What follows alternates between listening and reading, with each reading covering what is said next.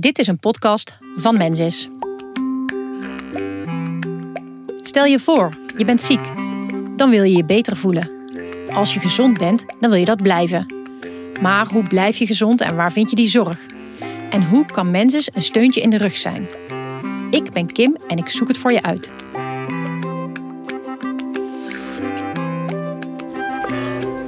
Deze week energie.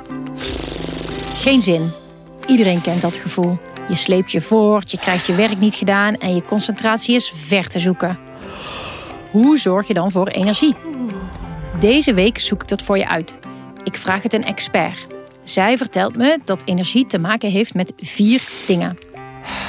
Ik uh, ben Hanna en uh, ik ben uh, afgestudeerd als diëtist. Ik heb in de loop der jaren steeds meer ook geleerd over voeding, beweging, slaap en stress. Nou, ik zie die vier samen wel echt veel samenhang hebben en, en invloed op elkaar uitoefenen. Eten, bewegen, slaap en stress hebben invloed op je energie. Ik wil weten hoe dat zit en vraag Hanna de hemd van het lijf. En omdat Hanna diëtist is, lijkt het haar logisch de zoektocht naar energie te beginnen met eten. Op het moment dat je het hebt over energie, dan, dan is mijn eerste reactie eten. En dan specifieker calorieën. Vooral koolhydraten zijn belangrijke brandstoffen voor je lijf. Hanna duikt meteen de diepte in, dus fasten your seatbelts. Zo vertelt ze me dat insuline de sleutel is om de energie uit je eten aan je lijf te geven. Over insuline later meer, want er is echter nog meer nodig om je eten om te zetten in energie. Ook stresshormonen, uh, cortisol heb je daarvoor nodig. Voel je misschien al een bruggetje aankomen?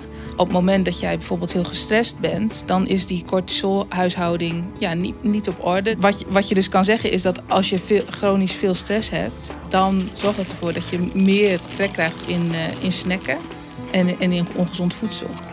Hanna vertelt dat stresshormonen een eetsignaal aan je hersenen geven, waardoor je snacktrek krijgt.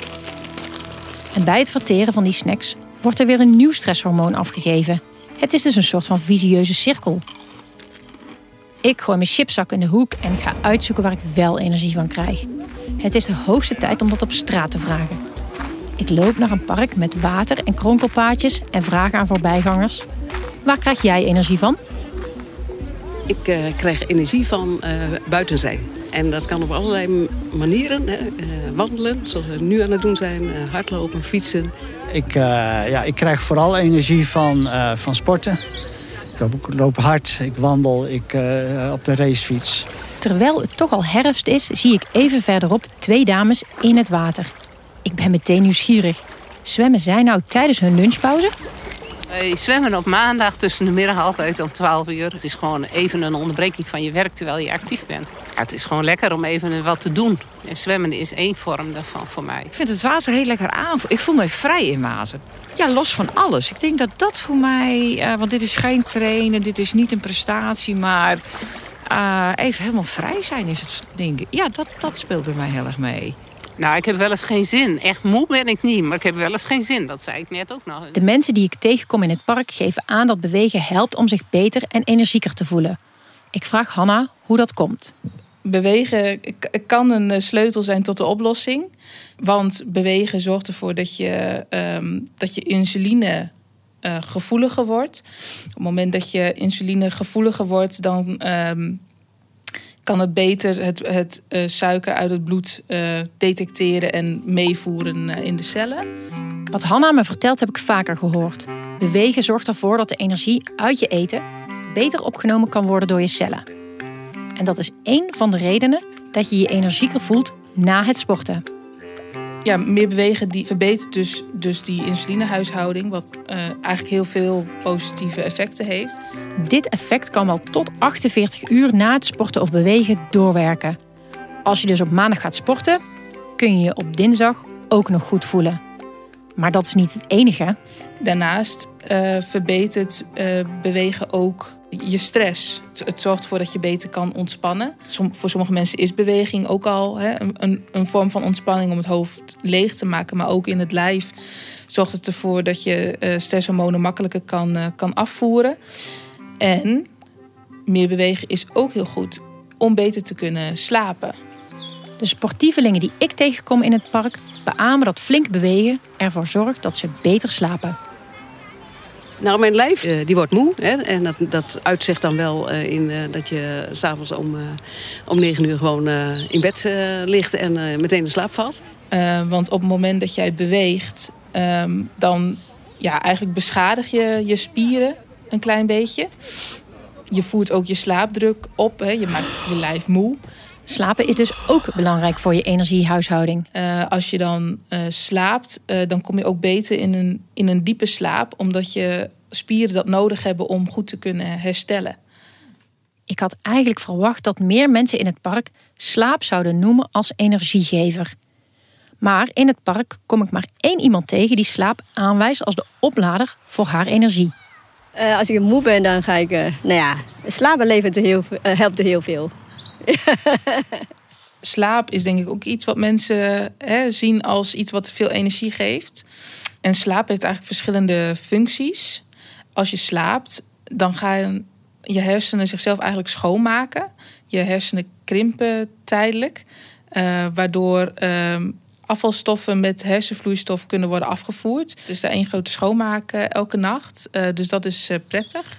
Als ik heel, uh, heel moe ben, dan word ik een beetje duizelig. Ik wil echt gaan slapen.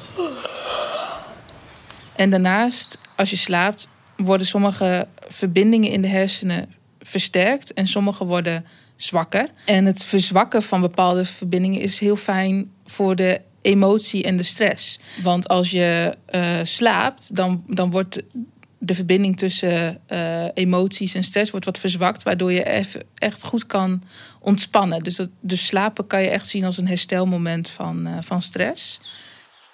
Ik heb ook heel veel in mijn hoofd. Op een gegeven moment moet ik gewoon loslaten. En als ik geslapen heb, dan heb ik, uh, nou, hè, dan, dan merk je wel, nou, ik ben niet meer moe. Ik wil graag iets, aan de, iets gaan doen ik wil niet hè, mensen bang maken en dat het effect zeg maar, hè, meteen zo groot is. Op het moment dat je een nachtje slecht slaapt, dan kan je lijf echt prima tegen. Je hebt nu in een sneltreinvaart gehoord dat je energiehuishouding afhankelijk is van eten, bewegen, ontspanning en slaap. De wisselwerking tussen die vier onderdelen zorgt ervoor dat je je futloos voelt of juist energiek. Ik denk dat dat ook de vicieuze positieve cirkel is. Op het moment dat je alles goed op de rit hebt, uh, dat het dan ook allemaal veel makkelijker uh, lijkt te gaan. Dat als jij voldoende beweegt, dat het dan ook weer zorgt voor ontspanning. Als je goed ontspant, heeft dat ook weer heel veel goede effecten op, op je slaap. En lukt het je ook beter om gezonder te eten. Maar op het moment dat je dus nou ja, dat het even niet zo lekker gaat met je, met je leefstijl, dat het dan ook heel moeilijk is om wel die stap te zetten. Ja, die eerste stap zetten is voor mij het lastigst.